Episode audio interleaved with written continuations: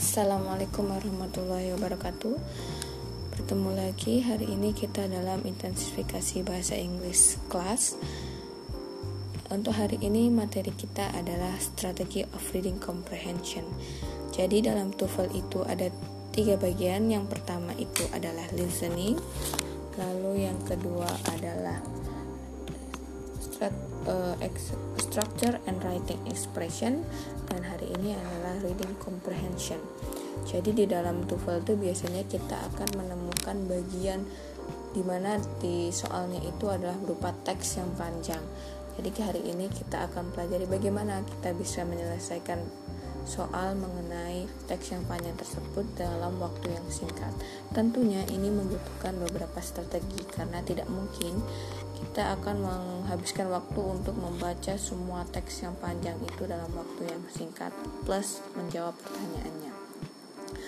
Okay, today we will we will learn about strategies of reading comprehension.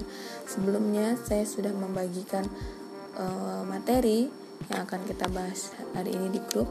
Langsung saja kita masuk ke halaman 33 tentang strategi of reading comprehension. Oke, yang pertama, ketika kalian menemukan teks yang panjang, bagaimana menemukan teks itu dalam soal yang kalian pertama harus lakukan adalah finding main ideas and supporting details. Jadi kalian harus menemukan pikiran utama, main ideasnya dari teks tersebut. Biasanya main ideas itu terdapat di para e, di baris pertama atau di kalimat pertama tapi tidak menutup kemungkinan kalau main ideas atau pikiran utama itu berada di tengah paragraf ataupun di akhir paragraf. Nah, kalian harus menemukannya di setiap paragraf itu main idenya apa, pikiran utamanya apa. Selanjutnya, setelah kalian menemukan main idea, yang kalian harus lakukan adalah skimming for specific information. Jadi, dalam reading itu ada dua strategi membaca yaitu skimming dan scanning. E, dua-duanya ini dikenal dengan istilah membaca cepat atau sepintas. Jadi kalian tidak akan membaca kata per kata, tapi kalian akan membaca secara tepat. Nah, untuk skimming ini yang kalian perlu lakukan adalah kalian pertama membaca judulnya, skimming. Judulnya ini mengenai apa? Lalu yang kedua, hindari pokoknya kalian harus sebisa mungkin menghindari membaca kata per kata. Dan kalau diperlukan, kalian bisa membaca dari bagian awal dan akhir saja setiap paragraf. Dan kalian harus fokuskan di akhir paragraf karena biasanya akhir paragraf itu merupakan sebuah kesimpulan.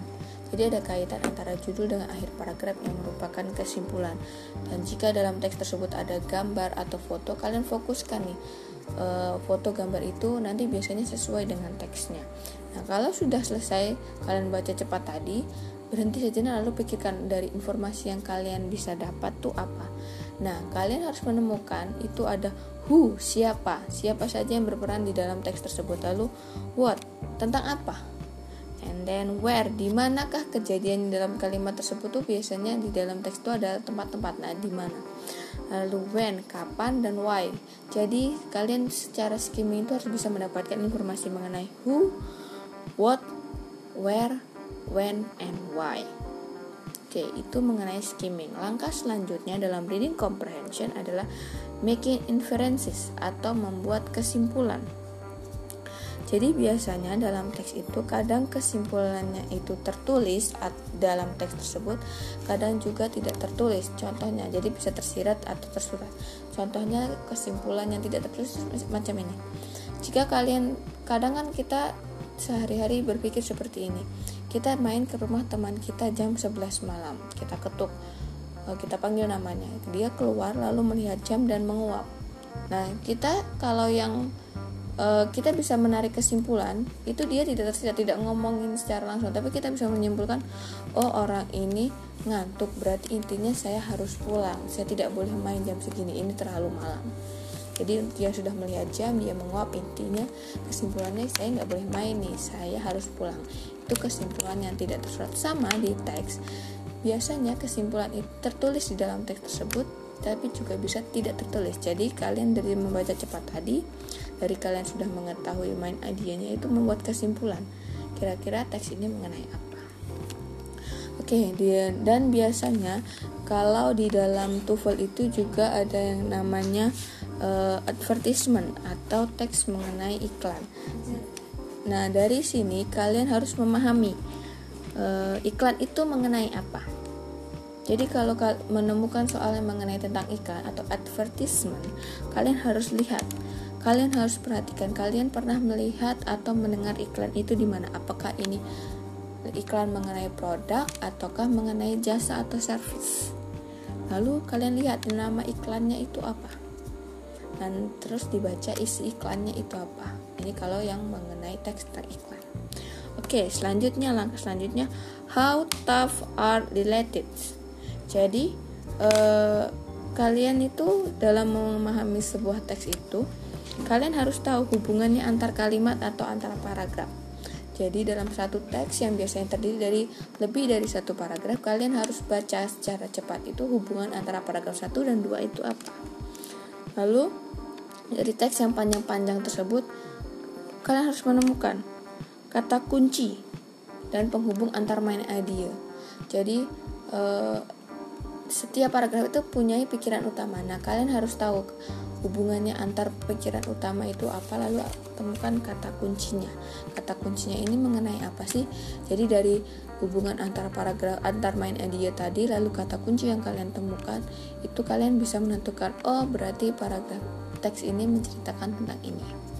Oke, langkah selanjutnya dalam reading comprehension adalah understanding contemporary reading capacities. Jadi kalian harus mengat biasanya di dalam TOEFL itu ada namanya teks mengenai masa e, bacaan terbaru atau berita terbaru. Jadi kalian harus e, ketahu harus mm, memahami bacaan masa kini yang terbaru yang paling ngetren sekarang itu apa. Tuh biasanya keluar. Lalu langkah selanjutnya adalah reading history textbook. Di TOEFL juga itu biasanya ada mengenai history. Kalau history itu kalian harus mengetahui mengenai efeknya. Jadi yang terjadi itu di history tersebut apa? Lalu kronologi, kalau namanya history atau sejarah itu adalah kronologi kejadiannya. Jadi kalian harus memahami kronologinya seperti apa. Lalu memahami specific information, informasi yang disampaikan secara spesifik dalam dalam history itu apa. Jadi kalian harus pahami. Nah langkah terakhir itu adalah swimming swimming it up. Jadi kalian harus menyimpulkan. Jadi namanya bacaan dalam TOEFL itu itu dari yang simple hingga yang tersulit. Biasanya setiap soalnya itu mulai dari yang tersimpel dulu. Nomor-nomor awal itu biasanya simple sampai yang tersulit. Jadi kalian harus memahaminya. Lalu gimana caranya saya bisa memahami teks ini bu dengan yang teks yang panjang itu kalian harus membaca ulang tadi ada skimming membaca cepat jadi yang kalian bisa mengulang tapi dalam uh, dalam dalam uh, frekuensi yang cepat membacanya jadi jangan kata per kata tapi secara cepat lalu kalian harus membuat kesimpulan tadi kesimpulan itu digunakan untuk apa sih bu untuk melihat ide argumen ataupun uh, berita yang penting tapi yang bisa tersul bisa tertulis ataupun tidak tertulis. Jadi kalian harus menemukan kesimpulan dari setiap paragraf itu walaupun tidak tertulis di situ. Kalau yang sudah tertulis dalam teks sih enak, tapi kalau yang dia tidak tertulis yang kita menyimpulkan sendiri, nah itu yang harus kalian temukan. Lalu penting, kalian ini penting untuk memahami itu tadi. Kata kunci di setiap paragraf itu lalu hubungannya antar paragraf itu apa? E, antar pikiran utama itu hubungannya apa? Dari situ kalian akan memahami oh teks ini mengenai ini teks ini mengenai ini. Nah itu tadi kalau di secara umum e, strategi dari reading comprehension. Dan di setiap e, ada beberapa strategi sebenarnya tapi itu secara umum strateginya. Ada lagi yang membuat strategi kalau untuk memahami teks itu kalian harus membuat pertanyaan-pertanyaan. Jadi dari setiap paragraf itu ada pertanyaan itu siapa sih dalam paragraf ini yang yang berperan dalam paragraf itu siapa saja? Lalu apa sih informasi yang saya dapat dari paragraf ini nih?